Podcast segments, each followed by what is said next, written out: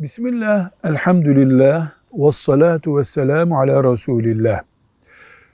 Kabirde soru vardır.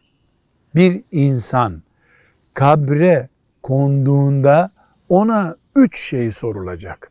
Rabbin kim? Dinin ne? Peygamberin kim?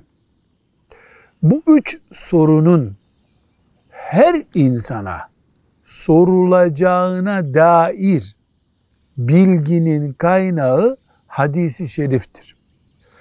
Bu hadisi şerifler de ana kitaplarımızın hemen hemen tamamında var.